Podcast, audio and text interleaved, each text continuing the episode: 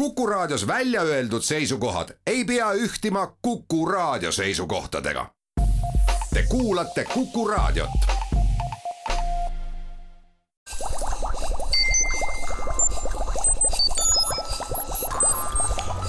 kukkuv õun head Kuku kuulajad, Kuku Õun eetris teadussaade nagu ikka sellisel kellaajal. Täna jätkame juba Toivo Maimetsaga mõned nädalad tagasi algust tehtud teemaga, milleks on siis ei midagi muud kui lõppenud koroonapandeemia, mis küll ühtpidi lõppenud, teistpidi jälle natukene sellist ärevust tekitav, et milline küll võiks järgmine pandeemia olla. Ja selle jaoks olengi külla kutsunud Margus Marjaku, kes on viroloogia kaasprofessor Tartu Ülikoolist ja kõnelemegi nii pandeemia lõpust kui kõikvõimalikest ohtudest, mis meid tulevikus ees ootavad ja võivad oodata. mina olen saatejuht Marek Strandberg ja Margus, küsingi sult seda, et noh, meil on siin olnud ju aegade jooksul igasugu imelikkusi, küll mitte viirustega, aga noh, näiteks ka Eesti aladel on olnud kliimaolude tõttu ja meditsiini kehva järje tõttu ka näiteks malaariat siin üheksateistkümnendal sajandilgi veel. Me teame seda, et kliima soojenemine toimub ja kõikvõimalike ökosüsteemide piirid nihkuvad. kui suur üldse on risk, et meid õige pea üks või teine pandeemia, olgu see siis algloomade näol, parasiitide näol, nagu on seda malaaria või mingite bakterite või viiruste kantuna võib külastada tänu sellele, et me ise natuke hooletud ka kliima suhtes. tere päevast, et tõepoolest nüüd siin äh, ongi aset leidmas tegelikult suured, suured muutused maailmas või tegelikult juba on toimunud, et siis siin on nii klimaatilised muutused, siin on toimunud demograafilised muutused, siin on toimunud tehnoloogilised muutused viimase saja aasta jooksul, ehk siis inimkond ei ole kunagi olnud niivõrd suuresti ühendatud, nagu ta tänapäeval, nagu vara, nagu ta praegu on, mitte kunagi varem. ja nüüd, kui nüüd vastata küsimusele, ongi see, et, et vastus on jah et sellega võiks nagu saate ära lõpetada ja, aga ja. ma usun, et me saame seda jahhi lahti rääkida pikalt. et just ongi täpselt see, et et nüüd tulevikku natukene ennustada on selline natukene tänamatu tegevus, aga kui nüüd võtta ette need trendid, mis on üldse toimunud ja vaadata nüüd äh, viimaseid paarikümmend aastat või kolmkümmend aastat, siis iga paari-kolme aasta tagant on äh, esile tulnud uus haigustekitaja, mida, mis on varem teadusele tundmatu olnud, et siin on olnud või mingi haigustekitaja läheb täiesti uude piirkonda ehk siis uus haigustekitaja näiteks on olnud seesama SARS-CoV-2, et see on viirus, mis oli teadmata tundnud, tea-, teadusele tundmatu varem me tundsime küll selle sugulasviirusi, siis samus on viirusi, mis on liikunud täiesti uutesse piirkondadesse. näiteks äh, siin mõne aasta eest oli Zika viirus, mis äh, oli pigem Aafrikas, aga liikus siis otsapidi Brasiiliasse. ja osad neist põhjustest, miks need muutused toimuvad, ongi see, et kliima on soojenenud äh,, on, muutub ka siis liikide levikuala, areaal, ehk siis haigust kandvate liikide areaal. samas inimesed ise ka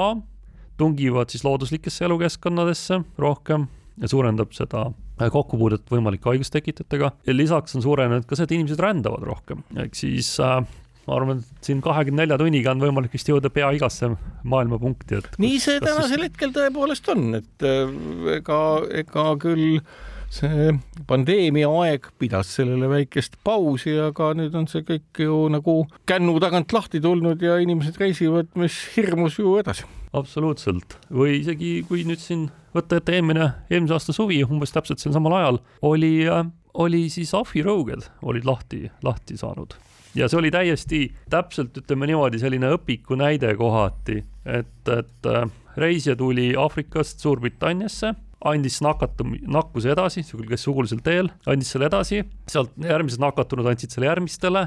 kuskil Belgias toimus reiv, reivipidu, anti järgmistele edasi ja ta oli väga lühikese ajaga olid tuhanded inimesed nakatunud, kogu arvuks hinnatakse üle kaheksakümne tuhande, et, äh, et selles mõttes lõpiku näide oli, et lühikese ajaga väga kiiresti levis, levis nakkushaigus, et äh, sellele küll õnneks tõmma-, saadi väga kiiresti piir tõmmatud. et Covidi, Covid-19 mälestus oli veel värske. kas see äh, ahvirõugetest puht teoorias oleks võinud kujuneda mingisugune selline üleilmne pandeemia nagu Covidist? Õnneks, õnneks mitte, et äh, selle haiguse oleks selles mõttes õnneks, et ta levib ikkagi sugulisel teel, et ta ei ole õhu kaudu, kuigi kui haigus mingit keskkonnas rohkem, rohkelt saab, siis ta võib ka mõnevõrra õhu kaudu ikkagi levida või pindade kaudu, et ja õnneks ahvirõugete vastu oli tegelikult olemas äh, vaktsiinid, mis olid küll loodud rõugete vastu, aga kaks viirust on piisavalt sarnased. ja olid ka olemas äh, ravimid, ehk siis, et siis võib-olla kui keegi kunagi küsib, et ah, milleks me neid viirusi uurime ja milleks me seda fundamentaalteadust teeme, siis täpselt sellepärast oligi see, et, et me olime piisavalt palju uurinud rõugeid ja sellest kantav info ja teadmised olid tegelikult väga hästi kasutatavad juba ahvirõugete vastu, isegi ravimid olemas, vaktsiinid olemas, et see oligi kas ma saan aru, et ka põhimõtteliselt sellesama nii traditsioonilisel moel, nagu tegi seda AstraZeneca või siis Pfizeri äh, loodud äh, mRNA viirused, vaktsiinid said võimalikuks ainult tänu sellele nii lühikese aja jooksul, et eelnev uurimistöö oli piisav? absoluutselt, et kui meil mäletada, siis aastal kaks tuhat viie, umbes kaks tuhat viis, kaks tuhat neli, äh, kakskümmend, ühesõnaga kakskümmend aastat tagasi oli äh, SARS-CoV-i epideemia väikene, mis oli, jäi küll valdavalt Aasiasse, aga levis ka näiteks Kanadasse. Ja sellest viirusest õpiti nii hästi seda viirust tundma, et tehti valmis, tegelikult juba tehti valmis vaktsiinide prototüübid, arendati, arendati muid lähenemisi, kuidas viiruse vastu võidelda. Ja et seesamast viirusest SARS-CoV-ist saadud teadmine oli see, mis aitas SARS-CoV-2 vastu. Et vaktsiinid lühikese ajaga toota, sest et tegelikult prototüübid kui sellised ja fundamentaalne arusaam oli olemas, et see oli põhimõtteliselt, et, et jah, et oli asju, oli asju, mida sai külmkapist võtta ja kasutama hakata. kui nüüd, kui nüüd küsida Covid pandeemia järelduste kohta, siis üks asi, mis ilmselt üllatas väga paljusid, ka asjatundjaid, oli see üllatavalt ulatuslik muteerumisvõime, mis sellel viirusel oli, põhimõtteliselt nagu me eelmine kord juba sinuga rääkisime, et tähestik sai otsa ennem kui kõik asjad ära kirjeldatud. jaa, absoluutselt, et et nüüd jah, jäi, jäimegi omikroni tähe peale pidama, et äh, paar tähte on seal veel, aga sellega oli see, et, et selles mõttes, et see oli esimene viirus, mida me jälgisime sõna otseses mõttes reaalajas. meil ei olnud varasemalt, ei olnud tehnilist võimekust, kakskümmend aastat tagasi meil ei olnud sellist tehnilist võimekust teha. kümme aastat tagasi peaaegu oli ja tihtipeale me varasemalt me oleme pandeemiaid jälginud nagu tagasivaatelt, et meil on viirus teame, teame, mis viirus see oli. ja nüüd me nägime reaalajas, et siis nii-öelda viroloogile, mulle see ei olnud nagu üllatuslik, et viirus hakkab muteeruma, sest et kui viis viirust tuleb uude peremeesse, siis ta hakkab kohanema uue, uue peremees organismiga, hakkab kohanema, katsub uuesti levida, sest et viiruse eesmärk ei ole mitte peremees organismi ära tappa, vaid viiruse eesmärk on hästi palju, et teda saaks hästi palju. ja siis ta on nagu alguses natukene võib-olla, kuidas nüüd öeldakse, et sõltuvalt viirusest. letaalne nagu,. jah noor ja rumal, et kas vahest kasutatakse. ja selles mõttes jaa, aga seal mõned nüansid olid tõepoolest see, et, et äh, see, kuidas ta mõned muteerumised olid nagu väga ootamad ja eriti see, et, et suutis antikehadest ikkagi nii tõhusalt ära põgeneda. et, et sealt see õppetükk on, on nii-öelda, tuleb, tuleb kirja panna ja meelde, meelde jätta, et, et muutused võivad olla väga, väga kiired ja kordangi, et see, et meil ei olnud varem, varasemalt meil ei olnud nagu võimekust sellist jälgida, see ei pruugi iga viirusega nii toimuda. kas meil on üldse mingisugust radarit, mis olemasoleva teadusliku teadmise pealt oskaks ennustada, et kus kohas võiks äkki see uus viirus, millise organismi pealt või millisel imetabasel moel ühtäkki inimkonda kollitama tulla või see on täiesti juhuse küsimus ja tuleb lihtsalt valvas olla? vastus on, on äh, jah ja ei, kõige halvem vastus, mis saab olla küll, aga et, äh, et jah, sellepärast et me oleme tegelikult juba väga paljusid, äh, just eriti mooditehnoloogia võimaldab väga paljusid viiruseid kaardistada tänapäeval, et seda kutsutakse metagenoomikaks, me võime loodusest võtta proove me suudame järjestada neid loomades olevaid RNA juppe, DNA juppe ja öelda, et vot seal on see viirus. Ja nüüd ei tuleb sellepärast, et äh, ju täpselt ei tea, milline neist võib äh, kehvade olude tõttu nii-öelda inim, inim, inimesele hüpata, et äh, ütleme niimoodi, et kui siin Euroopa Euroopas ajalooliselt on äh, inimene nii-öelda loodusega sajandeid ja tuhandeid aastaid kokku puutunud, siis Euroopasse pigem ei tule, sest et meil on juba, juba selline pidev, pidev kokkupuude olnud, siis kui viirus tuleb, siis ta on pigem võib-olla ütleme Lõuna-Ameerikas, sest et seal on äh, inimene paratamatult tungib üha sügavamale loodusesse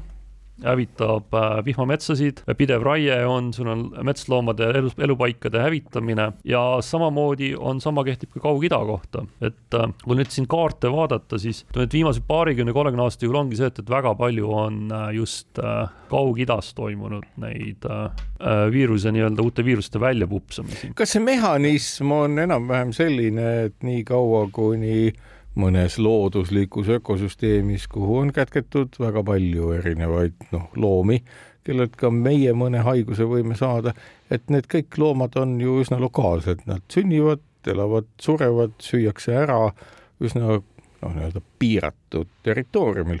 kui me nüüd ühtäkki siis kuskil Aafrikas või ka Lõuna-Ameerikas näiteks metsaraietega püüame põllumaad juurde teha, siis need loomad lähevad sealt liikuma, kas see on see mehhanism, kuidas nii-öelda tavatud haigused meieni jõuavad? see on, see on tõepoolest üks mehhanismidest, et, et üldiselt jah, on jah, loomadel ja nende populatsioonidel on piiratud areaal, kus nad on, väga harva nii-öelda lähevad teise loomapopulatsiooni areaali peal, see on muidugi piir, on kokkupuuteid, aga nii kui inimene sinna tuleb, valutab või nii-öelda lammutab seal kõik ära, siis ongi loomadel ei jää muud üle, et nad peavad uude elukohta äh,. inimene muidugi võib ka loomi süüa, see on üks asi äh,, mis siin nüüd SARS-CoV puhul, CoV-2 puhul peetaksegi, et inimene ja samamoodi ka Ebola puhul näiteks on ka see, et, et, et see on kokkupuutel lihaga, inimesel võivad olla käed, käte peal haavandid ja et see on nagu üks, üks täiesti reaalne, reaalne viis. siinkohal teeme saatesse ka väikese pausi, kuulake meid pärast vaheaega edasi.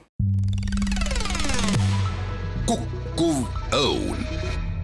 Kuku Õun teadussaade eetris, külas Margus Morjak, kes viroloogia kaasprofessor Tartu Ülikoolist, meie saatejuht Marek Strandberg ja räägimegi lõppenud pandeemiast, koroonapandeemiast ja sellest, kuidas nii maailm kui ennekõike Eesti peaks järgmisteks sellisteks oludeks valmis olema. aga kuidas me saame siis nendeks oludeks valmis olla, kui ühtepidi on nagu lihtne ja teistpidi jälle väga keeruline aduda seda, mis meie ümber toimub, milline nii-öelda funktsionaalsus reaalsus näiteks konkreetselt Eesti riigil peaks olema juures tervise järelevalvesüsteemides ja kus iganes, et meil oleks julgem olla, et äh, selline pandeemia ei tabaks meid nagu välk selgest taevast, mis viimati vist ju juhtuski. et jaa, et, et üldiselt Eesti Eesti riik peab meeles pidama, et Eesti on tegelikult muutunud selliseks ka nagu kõrgtehnoloogiliseks riigiks. Ja see tähendab seda, et meil tegelikult on juba kujunenud väga hea võimekus jälgida, et siin see võimekus kasvas siin eriti nüüd siin Covid-19 kriisi aegu. Ja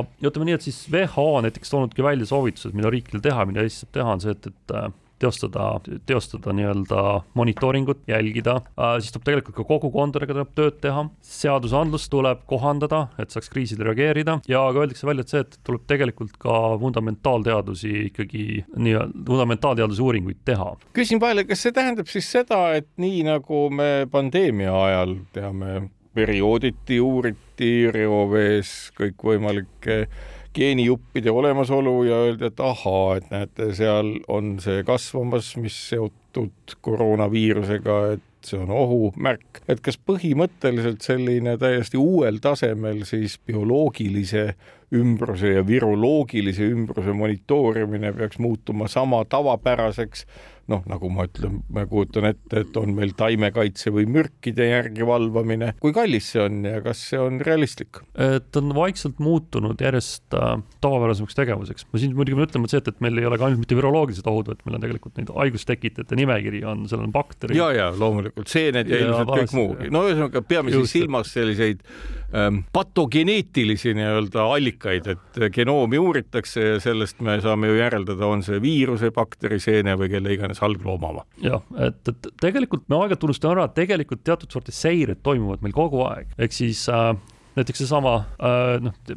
tehakse tavaliselt joogiveele tehakse seiret, kui siin aasta alguses oli Tartus oli äh, listerioosi juhtum tuli välja, siis siin nüüd Saaremaal oli ka õnnetu SRIS ja kooli juhtum ja siis äh, Veterinaar- ja Toiduamet teeb kogu aeg toidule seiret, selles mõttes, et tegelikult meil seire käib meil kogu aeg. nüüd siis nüüd need moodsad meetodid võimaldavad siis ka proovidest leida neid asju, mida me otseselt konkreetselt ei otsi sealt, vaid need sealt kogemata avastada. teeme kuulaja jaoks vahe selgeks, ehk et on olemas erinevad testimisvõimalused. üks testimisvõimalus on see, et me testime ja otsime asja, mida me teame, et me tahame otsida, me uurime, kas seda nii-öelda märki on või ei ole, see on üks meetod. ja kas ja. teine, ma saan aru, on see, et me määrame kindlaks, mis selles proovis on, kõikvõimalikke geenijuppe, äh, olgu siis DNA või RNA omi ja siis otsime kataloogist, kas see vastab mingisugusele pahalasele või mitte. ja just nii ja just, äh, just see ongi see, et, et see on nüüd see, mis on tulemas ja need on nüüd iga aastaga on need äh, tegevused odavamaks läinud, ma hetkel ei oska täpselt seda hinda öelda, aga see on umbes see, et ütleme, et suurusjärgu muutused on midagi sellist, kui inimese genoomi sekveneerimine kakskümmend aastat tagasi oli miljard eurot, siis praegu on ta alla, inimese genoomi oma on alla,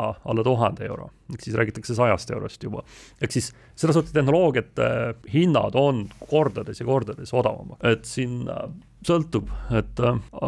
sõltub, sest et näiteks kui SARS-CoV-2 kriisi aeg, ütleme, see proovi hind oli, ütleme, sõltus olukorrast võis olla paarisajast eurost kuni tuhande euroni, sõltuvast küsimusest. siis hiljem, hiljem nii-öelda pistelisi kontrolle tehes on, võib endale see hinnajärk jääb umbes samasse suurusjärku et proovi kohta, et see küll tundub nagu suure summana, aga võib-olla noh, kui seda kogu aeg mitte ei tehta, siis, siis see ei ole, ei ole nii suur. ja teisest küljest on see, et eks me peame vaatama ka, mis meil see parasjagu see olukord on. me, kas meil on näiteks oht mingile on meil näiteks, on näiteks on teada, et võib-olla on kuskilt mingid patogeenid meile sisse tulemas, kuskilt on mingi kriis, näiteks meil on võib-olla läheb võib-olla väga halvasti, loodame, et ei lähe, on see, et, et meil on näiteks väga palju pagulasi tulnud erinevatel põhjustel, siis tuleks äh, vaadata, kuidas neid monitoorida ja, ja nii edasi, nii edasi. seal ongi see, et igal asjal on nagu teatud mõttes oma aeg, oma koht, et kus seda rakendada. no teistpidi igasugused katastroofid, kõige hullem neist sõda loomulikult või mingid looduskatastroofid tähendab seda, et hukkunuid on palju ja üldjoontes nii loetuna ilukirjandusest kui mujaltki tähendab see seda, et kui surnuid on palju ja neid ei jõuta matta, siis hakkavad erinevad haiguspuhangud toimima.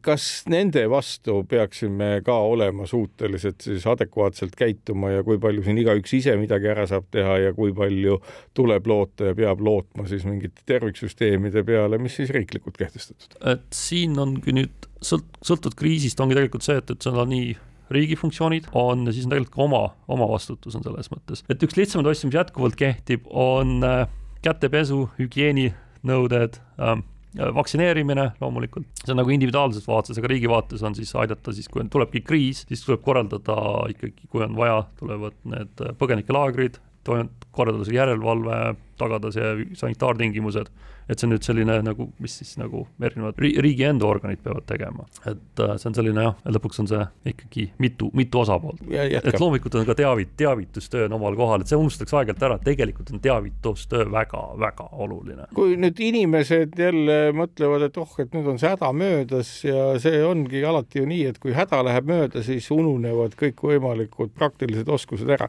ma mõtlen nüüd seda, et kas see tähendab nüüd ka meile ju seda, et et äh, kooliõpilased ju enamjaolt on kõik kogunud, kogenud sedasama kaugtööd ja muud sellist kodus olemist, et kas täna võiks kuidagi selgemalt olla siis ka kooliõpilastele selgeks tehtud, et mida kujutab endast pandeemia, sellepärast alates esimesest klassist ja lasteaiast saati kõik juba teavad, mis asi see on, tuleb arvuti taga istuda ja ei saa kusagil käia, et kas see oleks nagu selline unikaalne võimalus ajalises mõttes, nii-öelda teadmine noh, väga fundamentaalselt inimest sellisesse hariduskorda sisse kirjutada? jaa, selle peaks äh, sisse kirjutama, sest muidu jah, tundub, et hetkel tundub olukord olevat see, et kui riik ei käse, siis inimesed enam käsi ei pese ja ja kätt aevastades ette ei pane ja et, et, et aga jah, see on selles mõttes unikaalne olukord,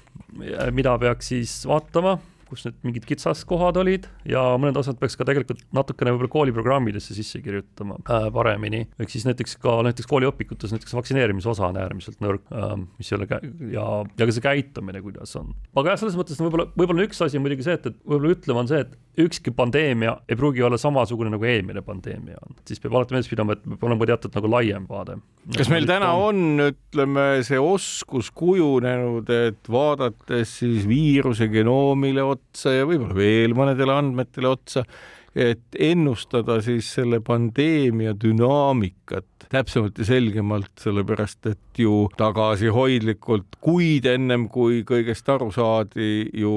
viirus levis, inimestel oli kõhklusi ja kahtlusi, no kasvõi lihtne asi, et eh, kas pigem me peaks nagu üle reageerima, arvates, et viirus võib levida kõiki kummalisi teid pidi või pigem käega lööma, sellepärast et mõningane käega löömine ju koroonapandeemia alguses oligi see, et ah, mis te ajate, et mis aerosooliga levib, et see on ikka piisknakkus ja küll sellega toime tullakse. et see on nüüd selline, kuidas nüüd öelda, peame, et üle ei tohi pingutada ja alapingutust ka ei tohi, et peame leidma sellise selles mõttes teatav kuldse kesktee. ehk siis üldiselt see tähendab seda, et tegelikult peavad erinevate riikide tervisekaitse äh, erinevad organisatsioonid omavahel andmeid vahetama äh,, võrdlema andmeid, eksperte kuulata, ekspert tuleb kaasata otsustusprotsessidesse, et äh, see on see, kui uus pandeemia tuleb, leitakse kas uus viirus või uus bakter, et vaadata, kuidas reageerida, sest et me ei, me ei saa tegelikult geeniandmetele otsa vaadates veel öelda, et sellest tuleb mingi ohtlik patogeen, aga me saame ütleme niimoodi, et ütleme, tuleb uus viirus, näiteks tuleb,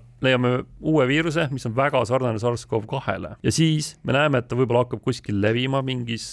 riigis ja siis tuleb selles mõttes see, see lööb tegelikult juba häirekella juba tööle, et kui meil jah, on piisavalt sarnane eelmistele pandeemiatele tuleb uus viirus, siis see lööb, lööb selles mõttes annab, annab häiret. Ja seesama oligi SARS-CoV-kahega puhul oligi see, et ta oli piisavalt sarnane SARS-CoV-ile, et äh, see oli juba selles mõttes argument häire, häirekella löömiseks. ma ütlen siin seda, et me ju põhimõtteliselt selle koroonaviiruse omaduse algusaegadest peale teame, et noh, mis seal ikka, korralikud maskid ja väga hea ventilatsioon ja tulemuseks on see, et selle levik oleks väiksem olnud. tänase päevani ma ei tea, et oleks korrigeeritud meil ehitusstandardeid,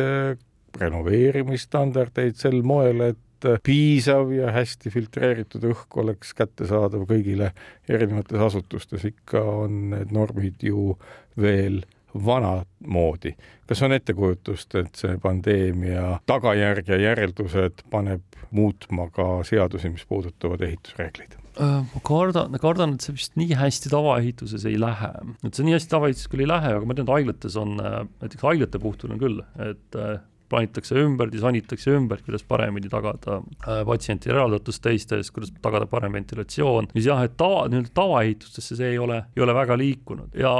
eks ta võib-olla ole ka, et pandeemias on see, et pandeemia sai ju läbi ja siis on jälle, et noh, kõik on ju hästi ja, ja lähme, lähme asjadega edasi. no mõnes mõttes on see õige, sellepärast et pandeemia ja. kulud olid ühiskondade jaoks meeletud, teisalt unustada ära tuleviku mõttes need riskid, mis realiseeruvad üle ootuste kiirelt ja tavapäratult halvasti, oleks ju ka kuidagi ebamõistlik, ütleb mulle terve mõistus. ja ei, seda küll, sest et noh, tegelikult see hoonete halb ventilatsioon on juba olnud äh, juba pikemat aega teemat, teemaks, ei ole mitte ainult meil, vaid vaid et see on ka mujal ja et kui sul on halb ventilatsioon, seal kasvavad mingid bakterid, seal kasvavad seened, seal on siis hallitus kuskil võib olla, et see on selline, et natukene niisugune hall ala, et, et, et mis vajaks, tegelikult vajaks lähemalt uurimist ja paikaseadmist et monitoorimist, standardite kehtestamist ja tagada, tagada ikkagi see hea õhukvaliteet. siinkohal teeme saatesse ka väikse pausi ja kuulake meid jälle pärast vaheaega edasi.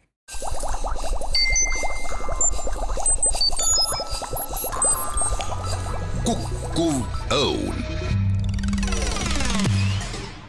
head kuulajad, Kuku Õun jätkub, külas Tartu Ülikooli viroloogia kaasprofessor Markus Morjak, mina saatejuht Marek Strandberg ja kõnelemegi sellest, kuidas tulevikus erinevate pandeemiate ja haiguspuhangutega toime tulla. mõtlen selle peale, et noh, küll mitte otse nüüd haiguspuhangutega, aga aina rohkem ja rohkem on sõnumeid selle kohta, et tegelikult ju saastunud õhk on see, mis inimesele väga palju erinevaid tervisehädasid teeb ja immuunsüsteemi nõrgendab kas noh, jättes ventilatsioonisüsteemi sinnapaika, aga mulle tundub, et isegi nendel masinatel, mis on mõeldud nii-öelda tsirkuleerivalt ruumi õhku puhastama, saab olema ilmselt tulevikus aina suurem ja suurem osakaal ja tähtsus inimeste igapäeva tervise tagamiseks, sellepärast et meie keskkond lihtsalt on täis kõikvõimalikke nii-öelda pisiosakesi, millega meie organism niisama toime ei tule ja siseruumid on ainukene nii-öelda varjend, kuhu nende eest peitu pugeda. jaa, ei seda küll, et see värske õhk on, on oluline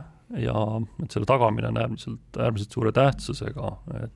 et siin on, noh, eks me kõik teame, et noh, kõige lihtsam on see, et kui meil on CO2 juba õhus on palju, et äh, ja noh, kunagi ammustel aegadel ju ka inimesed armastasid siseruumides suitsetada, millest on õnneks lahti saada. et siin järjepanu on tegelikult ongi, on ikkagi see hoonete sisekliima paranenud, on ventilatsioonisüsteemid paranenud, mis kõik äh, ikkagi aitab, aitab kaasa. aga siin ikkagi on koht kuulda näiteks mure, muresõnumeid kooli, koolimajade kohta, et see on, see ventilatsioon on jäänud sinna kuskile kuuekümnendatesse tihtipeale, et on ja et, et see, see on, see on küsimus, mis vajab, vajab pikemas perspektiivis nagu, nagu lahendamist ja parendamist. ehk et me oleme olukorras, kus ühtepidi on meil press peal sellega, et olla energeetiliselt efektiivne teistpidi, kui me püüame seda teha ja jätame ventilatsiooni unarusse, siis on meil inimeste tervisega jälle hädad. Ja see tasakaalupunkt on hoopis mujal, kui me praegu seda kaaluda üritame, ehk et iseenesest nii-öelda ventilatsioonirevolutsioon tundub olevat Eestis möödapääsmatu. eks ta, eks ta läheb sinnapoole, ma ei ole küll hoonete ehitamise ins, nagu insener selles mõttes, aga no, näiteks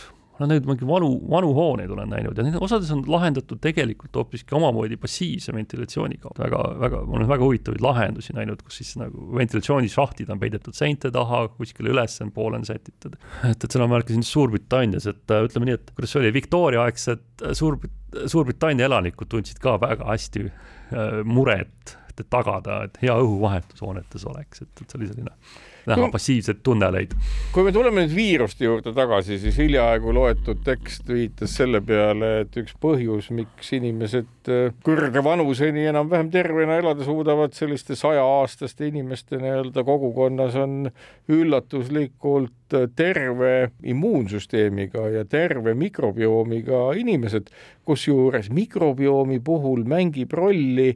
just nimelt viiruste rohkus, kes seedekulglas elavad, kes on nagu omamoodi karjased, kes või jahimehed, kes siis nii-öelda peavad äh, valvet selle üle, et mikrobioom tasakaalus ei oleks. jutt on erinevatest bakteriofaagidest ehk baktereid söövatest viirustest. et kui äh, ammendamatu on siis põhimõtteliselt see valdkond, mis puudutab meie enda mikrobiomi terviklikkust ja kui palju me näiteks viiruste rollist täna teame selles vallas? see on nüüd äärmiselt äh, kompleksne teema, et siin tõepoolest, et soolestikus on, on meil kümneid ja tuhandeid, ütleks sadu erinevaid bakteriliike, siis bakteritel on jah, et neil on omad, omad viirused, et me kutsume bakterifaagideks, mis õnneks, ütleme, inimesi ei nakata, aga nad teevad jälle sellist nagu seda, seda nii-öelda äh, natukene hävitamistööd äh, just bakterite seas. Ja see aitab omakorda hoida jälle baktereid natukene kontrolli all, sest et äh, bakteritega võib olla ka see asi, et, et äh, kui nad nii-öelda üle, ütleme nii, et üle käte lähevad. ehk et ma tahangi küsida, et ei ole olemas olla. a priori head bakterit, et noh, et vot seda ja. bakterit võiks olla nüüd väga-väga palju, et teeme nii, et ainult piimhappebakteri üks liik elaks meie soolestikus, see tähendaks inimesele halba. jaa, see tähendaks kindlasti halba, seal peab olema hästi palju erinevaid baktereid, et seal on isegi uuringuid tehtud, kus näiteks bakteritega on, vaadatakse, et äh, milline bakteri,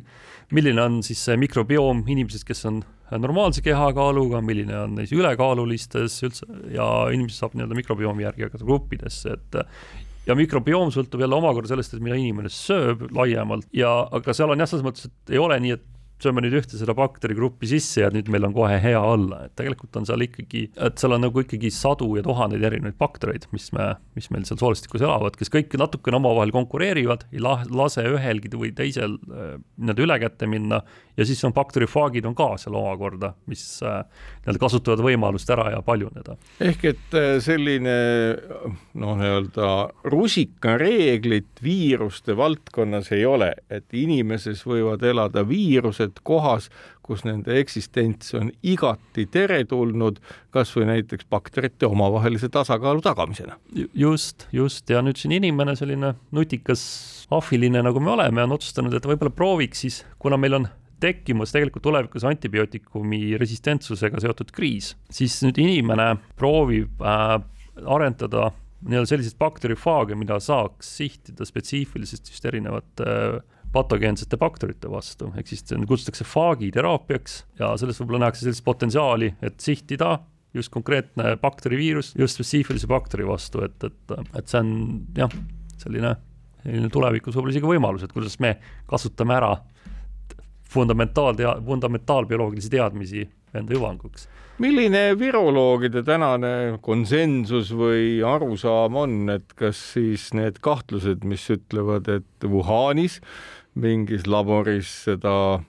kõnealust Covidi tekitavat viirust ka testiti ja uuriti tehislikult ja sealt see valla pääses. kas selle poolt või vastu on tänaseks meil mingeid argumente, mille peale me võime kindlad olla, et jah, oli just nii ja mitte mingil moel teistpidi? et nüüdseks on praeguseks on äh, äh, tegelikult väga palju nüüd siin tehtud selliseid nii-öelda metagenoomilisi uuringuid, just ongi see, et äh, on hästi palju äh, loodusest, looduslikke proove võetud, siis ongi need SARS-CoV-2 sugulasviirusi on leitud praeguseks nii pangoliinidel, neid on leitud erinevatel nahkhiireliikidel ja kõik senised uuringud, mis on tehtud ka need evolutsioonipuud, et siis hargnemisi ja muid asju sättides on nagu ikkagi näitavad pigem, et see olukord sai alguse siis Wuhanis ja see sai alguse sellelt äh, ikkagi sellest äh, kurikuulsalt turult, kus siis müüdi loodusest pärit nii-öelda liha. uuringud siiamaani pigem viitavad ikkagi sellele. kui nüüd ette kujutada, et hakatakse looma spetsiifilisi mikroorganisme, baktereid hävitada suutvaid viirusi, kas äh, selle nii-öelda tegevuse mis siis asendaksid antibiootikume, kujutan ma ette, kas selle tegevuse ohutuse reegleid suudame me täna sellesama eh, Covidi pandeemia kontekstis täpsemaks tuunida ja olla nii-öelda kindlad, et sellistest laboritest meile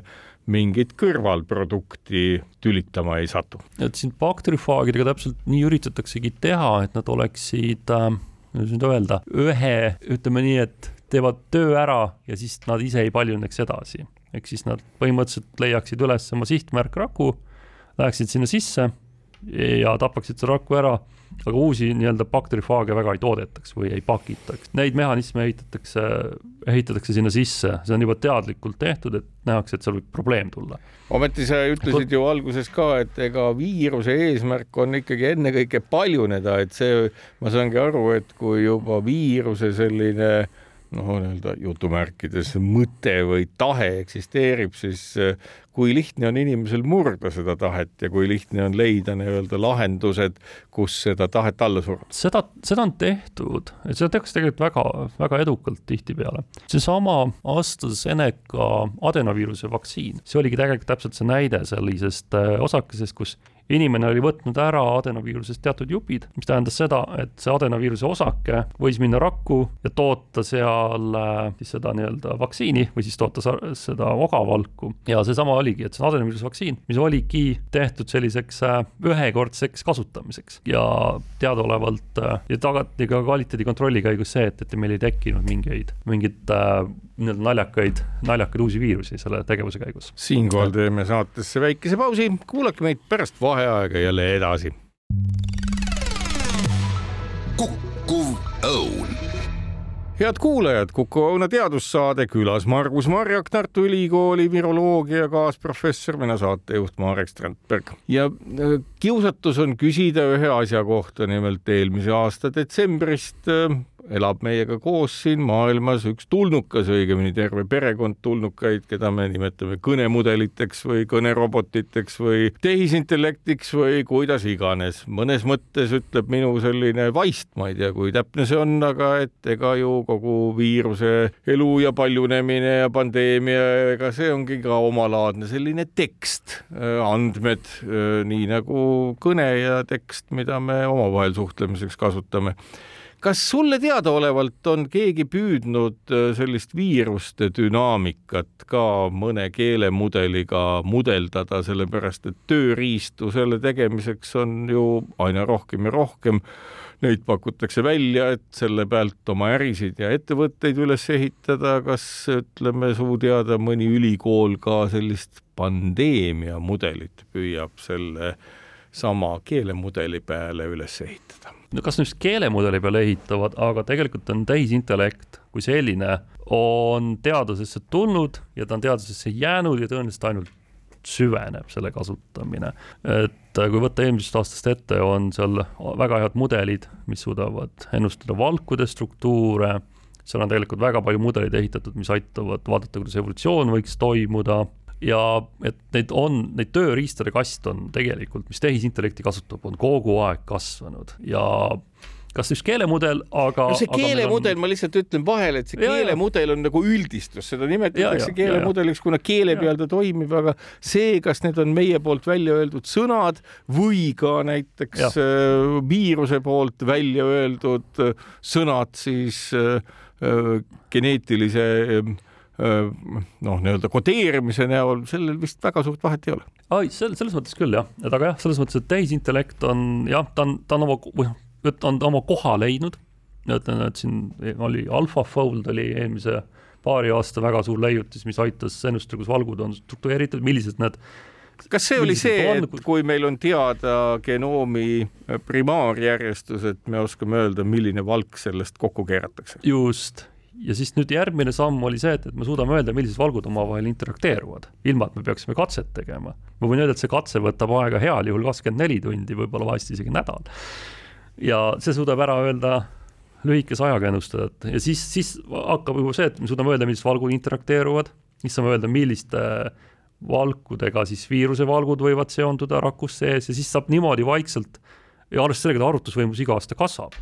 siis niimoodi vaikselt, vaikselt on nagu tehisintellekt on, on äh, oma koha nagu leidnud ja leidnud. no aga kas see võiks tähendada siis lõppkokkuvõttes ikkagi seda, mida algul küsisin, mille suhtes sa skeptiline olid, et vaatame genoomile otsa, tuletame välja, millised valgud, millised nende päris struktuurid välja näevad ja palume tehisintellekti endale appi ja otsustame, et kas see on patogeenne või niisama mingisugune monstrum, mis meiega koos eksisteerib. et on asju, mida saab ennustada ja on asju, mida me veel ei tea et äh, on tegelikult väga palju asju, mida me veel ei tea ja võib-olla see ongi niisugune teadlase selline, kuidas öelda, igapäevane, igapäevane probleem või, või samas ka leib, on see, et, et me teame, kus meil tulevad piirid ette, et mida me ei saa ennustada. valkude puhul näiteks tuleb kohe piir ette, aga seal on, seal on membraanid, seal on lipiidid, mida me võib-olla ei oska veel väga hästi sättida paika, kuidas need paiknevad, siis äh, tulevad ka mängu teatud, teatud kogused juhuslikke sündmusi, sest me aeg-ajalt, kuidas nüüd öelda, aeg-ajalt saab täringuga ka kuus kuute visata. Et äh, tulevad juhuslik, stohastilised protsessid, protsessid tulevad mängu, mida me ei suuda ennustada, siis tulevad inimkäitumise, siis tulevad inimkäitumise aspektid, mis on juba, juba väga tugevalt väljaspool minu, minu nii-öelda valdkonda et äh, me suudame väga paljusid varsti asju ennustada ja, aga lõpuks on ka see, et, et katse on nii-öelda, kuidas nüüd öeldakse, tõe ema siis. ehk siis lõpuks on ikkagi see, et tuleb eksperiment ka ära teha, et öelda, kuidas asi päriselt on. et kui võtta meie ajaskaala, no tänaseks hetkeks on pandeemia just nagu minevikku jäänud on tulnud teised probleemid seotult küll Ukraina sõjaga, küll majandusega laiemalt, kus öeldakse, no ega meil ei ole raha ei selle, teise ega kolmanda asja jaoks. et kui ohtlik see just nimelt tuleviku turvalisuse mõttes on hakata näiteks tänasel hetkel arutlema selle üle, et ei tea, kas neid tulemusi ikka tasub kokku võtta ja ei, mis me ikka sellest midagi uut teada saame. kuidas riikides teistes selline hoiak on, et kas äh,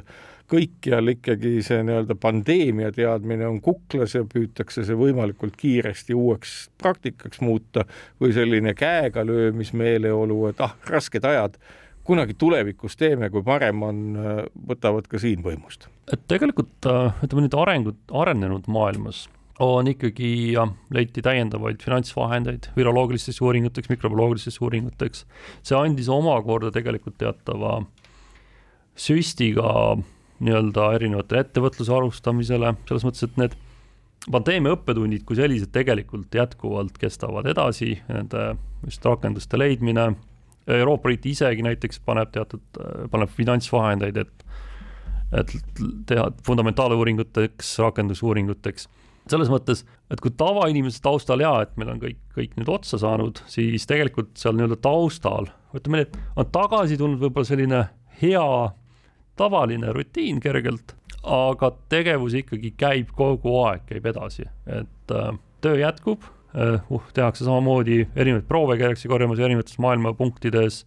erinevaid jälgimisi, mis tehakse, koostööprojektid on maailmas toimumas, et selles mõttes, et taustal käib kogu aeg äh, mingi, mingi arendustöö ja tegevus ja teadustöö. Kas ütleme, viroloogia vallas on ka toimumas mingit sellist väga fundamentaalset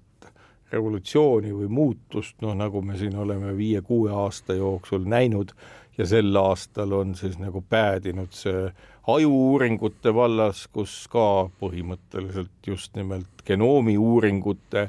odavus ja kättesaadavus tekitas olukorra, kus aju terviklik süsteem on näha. kas viroloogia valdkonnas on ka mingi selline nii-öelda raskelt kombatav valdkond olnud, mida analüüsimeetodite kalliduse tõttu või nappuse tõttu pole õnnestunud veel nii selgelt kombata, nagu tahaks? siin on nüüd väga hästi on arenenud, viimasel on äh, viiruste evolutsiooni jälgimine toimunud, toimunud, sest see on just seesama, et sekveneerimistehnoloogiate odavnemise tõttu on toimunud. aga meil on ikkagi, on selles mõttes väga suured küsimärgid tihtipeale, et kuidas see viirus organismis endas käitub ja kuidas ta suhestub immuunsüsteemiga. et see, need on need kohad, mis veel äh, ootavad avastamist äh,, tegemist, need on, need on kallid projektid, need on äh,, nõuavad palju inimtöö, tööjõutunde, et see on nüüd see koht, et aga eks, eks on ka viroloogia käib kaasas tegelikult muu, muu teadusliku protsessiga. ja kuidas vaikselt, ütleme hetkel on niimoodi vaikselt edasi, aga, aga sihikindlalt edasi. ja siin, ja viiruste puhul on ka see, et, et viirusi on palju, neid on erinevaid sadu ja igalühel on erinev, erinev protsess ja erinev progress toimumas. et selles mõttes on kogu aeg, kogu aeg teatud, teatud, teatud uuendused on tulemas. kui üldse kõikvõimalike pandeemia ja muude riskide kontekstis rääkida, no me teame, et Eesti on väga-väga väike riik, pidades silmas maailma väga suuri farmaatsiafirmasid, kellel üht või teist erisust Eesti jaoks teha on üsna mõttetu, kui perspektiivikaks võib, kuigi jälle see võib-olla ei ole su pädevus või huviala, aga kui perspektiivikaks võiks pidada seda, et meil oleks siiski olemas ravimitööstus, nagu kunagi see oli, eks ole, Tallinna farmaatsiatehase näol, kus üht või teist ravimit toodeti, tänasel hetkel ju ravimite iseloom on muutunud, aga noh, toota võiks neid ju ikka Eesti jaoks, kas sellel on mingit perspektiivi või mitte sinu hinnangul? hetkel on Eestis jah, on valdavalt geneeriliste ravimite tootmine, ehk siis see on siis nii-öelda koopiate tegemine. siis nüüd, äh, kui me tahame ikkagi mõne aja pärast ikkagi rikaste riikide klubiga liituda. no selline soov meil vist on. et, et siis me peame tegelema, tegelema ikkagi samamoodi, me peame tegelema aren-, teadus- ja arendustööga ja liikuma sihikindlalt edasi. sest ma võin tegelikult öelda näiteks, et äh, Andres Merits, äh, kes on mul siis doktorantuuri juhendaja, oli, kes oli teadusnõukogu enda liige, näiteks tema osalusega on nüüd chikungunya viiruse, mis on siis äh, sääskedega leviv viirus siis tema osalusega on nüüd selle vaktsiin liikumas edasi järgmistesse katsefaasidesse ja on näha täiesti, et äh, läheb äkki õnneks. Ja sellest tuleb vaktsiin turule. ehk siis, mis ma tahan öelda seda, et meil tegelikult on äh, äh sedasorti võimekus Eestis olemas, seda vaikselt ehitatakse, Tartus on näiteks Icosageen ettevõte, mis tahab liikuda edasi nii-öelda selles väärtusahelas. Ja tegelikult juba vaikselt meil protsessid käivad, et äh, meil ei ole olukorda äh,, et äh, ei ole olukord selliselt, et ma, me ei suuda, me suudame küll, ainult et see võtab aega, seal peab raviarendus peab arendama see, et see võtab aega kümme aastat, viisteist aastat. ja nüüd me oleme juba, Eesti riik peaks olema piisavalt vana, et ta võiks nüüd natukene niisuguse pikema vaate ette võtta. sotsiaalministeeriumi rolliks on äh, lõpuks ikkagi meie tulevaste võimalike pandeemiate, mille täpset iseloomu me isegi ei tea vastu ja sellega toimetulekuks mingi kava koostamine. kui kiiresti sa hindad, et tänase Covidi pandeemia põhjal see kava suudetakse kokku panna ja, ja inimestele kättesaadavaks ja kasutatavaks teha? et esimese teatava kavandi või strateegia me katsume nüüd selle aasta lõpuks äh, valmis teha, siis kuna me oleme ikkagi nõuandev koda, siis äh, see nüüd ongi siis äh, täitesaadavate äh, erinevate organisatsioonide siis pädevus järgmises küsimuses otsustada, et mida teha, kus seda võimekust kasvatada, et noh, praegu siis näiteks Terviseamet on väga hästi oma võimekust kasvatanud, äh, et tulla, tulla toime erinevate kriisidega, selles mõttes see ongi jah, et esimene kava on nüüd selle aasta jooksul ja siis järgmistel aastatel ongi see, et, et on siis täite, täitesaatvad organid peavad siis tagama ka selle, et et, et see ka ikkagi ellu viidaks. aitäh, Margus Marjak, et said tulla Kuku Õuna saatesse kõnelema pandeemiast, mis mööda saanud ja sellest, mida me viiruste ja kõikvõimalike haiguse tekitajatega tulevikus üldse ette võtta saame ja peaksime. sellega on Kuku Õuna saade läbi, kuulake meid jälle täpselt nädala pärast ja kaunist päeva teile.